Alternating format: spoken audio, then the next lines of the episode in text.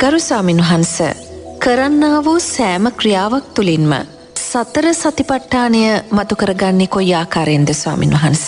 ඔබ සතර සරිපට්ඨානය මතු කරන්න කොමද ඔබ බුද්ධ වන්දනාව කරලා මොහොතක් බුදුරජාණන් වහන්සේගේ රූපකාය දිහැ දැකලා මේ බුදුරජාණන් වහන්සේගේ දෙතිස් මහා පුරුෂලක්ෂණයන්ගෙන් බබලන මේ රූපකාය අනිත්‍යයි කියලා මොහොතක් දකින්න ඒ දකින වෙලාවේ ඔබ බුදුරජාණන් වහන්සේ තුළින් සතර සටිපට්ඨානය මතු කරගත්ත කෙනෙක් වෙනවා. කොහොමද බුදුරජාණන් වහන්සේ තුළින් සතර සටිපට්ඨානය මතු කරන්නේ බුදුරජාණන් වහන්සේගේ රූපය අනිත්‍යයි කියල දැක්ක තැන ඔබ දකින්නේ රූපයේ අනිත්‍ය භාවයයි රූපයේ අනිත්‍ය භාවය දැක්ක තැන අන්න බුදුරජාණන් වහන්සේ තුළින් ඔබ කායනු පස්සනාව මතු කරලා ගත්තා. ඔබට පුළුවන් බුදුරජාණන් වහන්සේගේ රූපය ආයතනහයක් හැටියට දකින්න.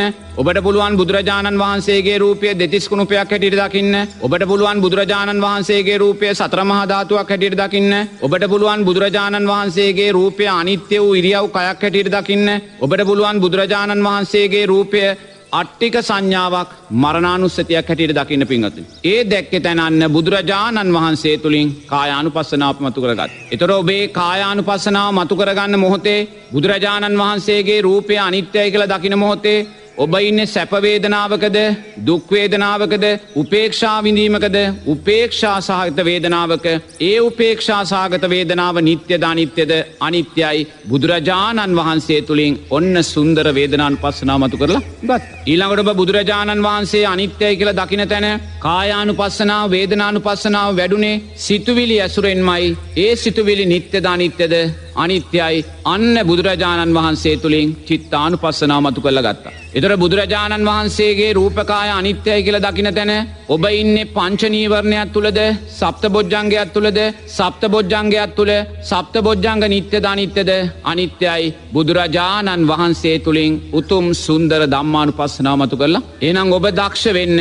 බුදුරජාණන් වහන්සේගේ රූපකාය අනිත්‍යයි කියල දකින දැක්ම තුළ මේ සතර සටිපට්ටානය මතු කරලා දකින්න. එන දැම් මේකට එරමිනිිය ගොතාගන ඔබ භාවනා කළත් ම මේ ගිහි පින්වතුල්ලා උදෙසයි මේ කියන්නේ එරමිනිිය ගොතාගන භාවනා කරන්න අවශ්‍ය වනාද ඔබේ රාජකාරී වෙලාවේ ඔබට ලැබෙන විනාඩියක විවේකේදී ඔබට බුදුරජාණන් වහන්සේ සිහිපත් කරලා බුදුරජාණන් වහන්සේ තුළින් සතර සටිපට්ටානය මතු කරගන්න පුළුවන්. එච්චරයි. බස්සේක විවේකිව වාඩියන වෙලාවේ මොහොතක් බුදුරජාණන් වහන්සේ සිහිපත් කරලා රූපයේ අනිත්‍යභාවය දැකලා සතර සටිපට්ටානය මතු කරගන්න පුළුවන්. එන සමාජයෙන් සතර සටිපට්ටානය වඩන්න අමාරුයි ආරෂ්ඨාංගික මාර්ගය වඩන්න අමාරුයි කියන කාරණය ඇත්තද නැහැ. එනම් ඔබ හිතන්න ඔබේ මේ ඇස අනිත්‍යයි කියලා ඔබ දෑස් දෙක පියාගෙන මොහොතක් ඔබේ මේ ඇස අනිත්‍යය කියල දකින්න මේ ඇස අනිත්‍යය කියල දකිද්දී ඔබ දකින්නේ රූපයේ අනිත්‍ය භාවයයි රූපයේ අනිත්‍ය භාවය කියන්නේ අන්න ඔබ තුළින් ඇසේ අනිත්‍ය භාවය තුළින් කායානු පස්සනාව මතු කරගත්තා. එතොර ඔබ ඇසේ අනිත්‍ය භාවය දකිද්දී ඔබ ඉන්න සැපවේදනාවකද දුක්වේදනාවද උපේක්ෂාවකද උපේක්ෂාසාගත විඳීමක් ඒ උපේක්ෂාසාගත විඳීම අනිත්‍යය කියල දකින්න අන්න වේදනානු පස්සනාමතු කරගත්. ඊළඟට ඔබේ කායානු පස්සනාව වේදනානු පස්සනාව මතුනේ ඇස අනිත්‍යයි කියල දැක්කේ සිතුවිලි ඇසුරෙන්. ඒ සිතුවිලි නිත්‍යද අනිත්‍යද? අනිත්‍යයි. අන්න ඇසේ අනිත්‍ය භාවය තුළින් චිත්තානු පස්සනාව මතු කරගත්තා. ඔබට මේ කාරණා තුන මතුවෙද්දී ඔබ ඇසේ අනිත්‍ය දකිද්දී ඔබ ඉන්න සප්ත බොජ්ජංගයක් තුළ ඒ සප්ත බොජ්ජන්ගේ නිත්‍යද අනිත්‍යද? අනිත්‍යයි. අන්න ඇස තුළින් දම්මානු පස්සනා මතු කරගත්. ඇසේ අනිත්‍ය භාවය තුළින් සතර සටිපට්ටානය මතු කරනු. ඒ වගේ ඔබ කනේ නාසේ දිවේ ශරීරයේ මනසේ අනිත්‍ය භාවය දකින්න දැකලා ඒ තුළින් සතර සටිපට්ටානයෙන් මතු කරගන්න ඊළඟට ඔබ මේ රූපය සතර මහධාතුවක් හැටියට දකින්න පටවි ආපෝ තේජෝ වායෝ හැටියට මතු කොල්ල දැකලා ඒ පටවියාපෝ තේජෝ වායෝ ධර්මතාවයන් තුළ සතර සටිපට්ටානය මතු කරගන්න. දෙතිස් කුණුපයක් හැටියට මේක මතු කරගන්න ඒවගේ නිරේතුරුව නෝනා මේ ඇස අනිත්‍යයි කෙලද්දී ඒ චිත්තය තුළින් සතර සටිපට්ටානය මතු කරගන්න පුළුවන්. ඒවගේ ඔබ නිරේතුරුව දක්ෂ වෙන්න ඔබ හිතන්න ඔබට කේන්තියක් එනවා කියලා.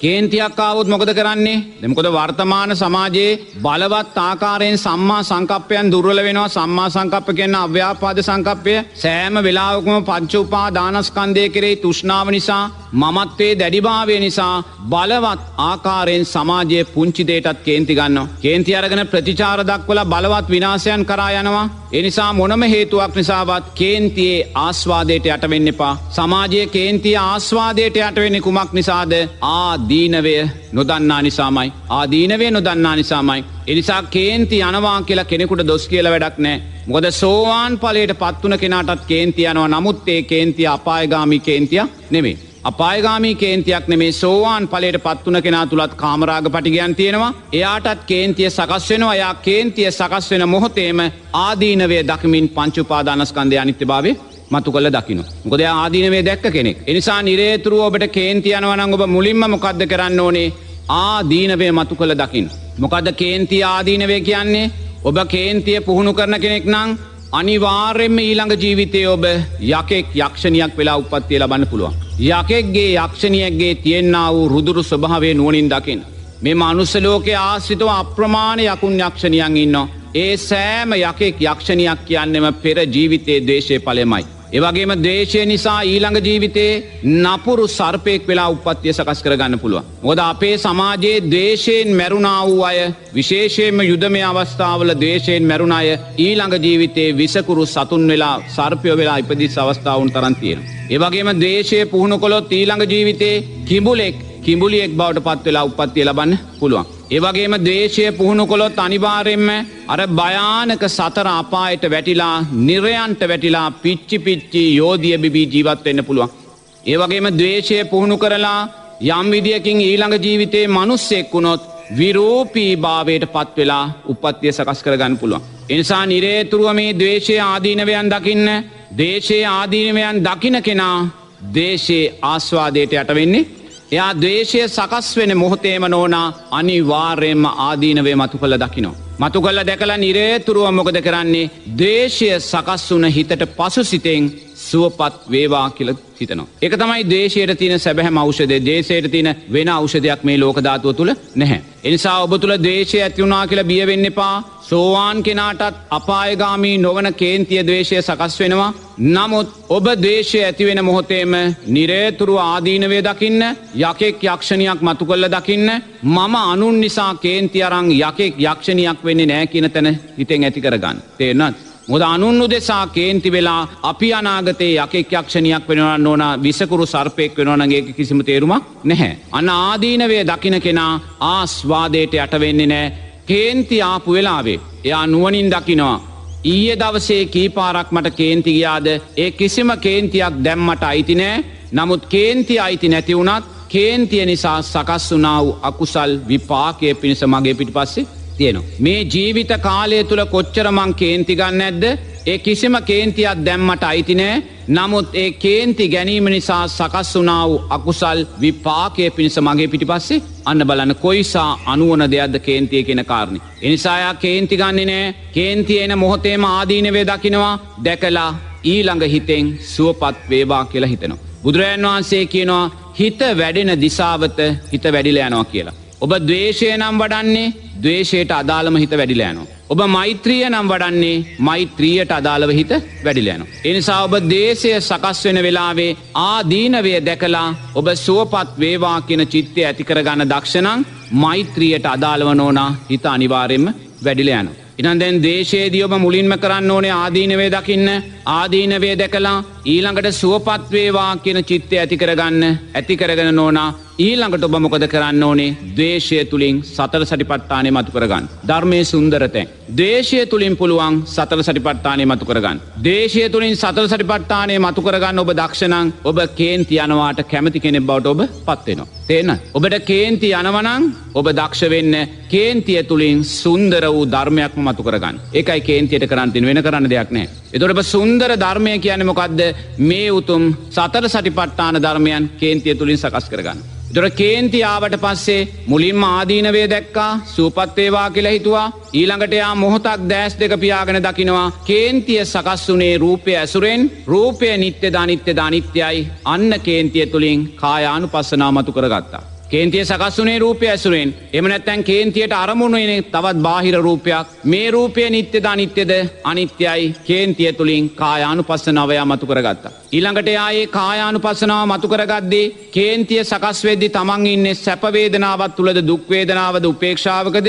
දුක්වේදනාවත් තුළ ඒ දුක්වේදනාව නිත්‍යද අනිත්‍යද අනිත්‍යයි. අන්න කේන්තිය තුළින් වේදනානු පස්සනාවයා මතු කරගත්තා. ඊළඟට එයා කේන්තිය සකස් වනේත් කායානු පස්සනා වැඩුනේත් වේදනානු පස්සනා වැඩුනේත් සිතුවිලි ඇසුරෙන් ඒ සිතුවිලි නිත්‍යද අනිත්‍යද අනිත්‍යයි. අන්න කේන්තිය තුළින් චිත්තානු පස්සනාවයා මතු කරගත්තා.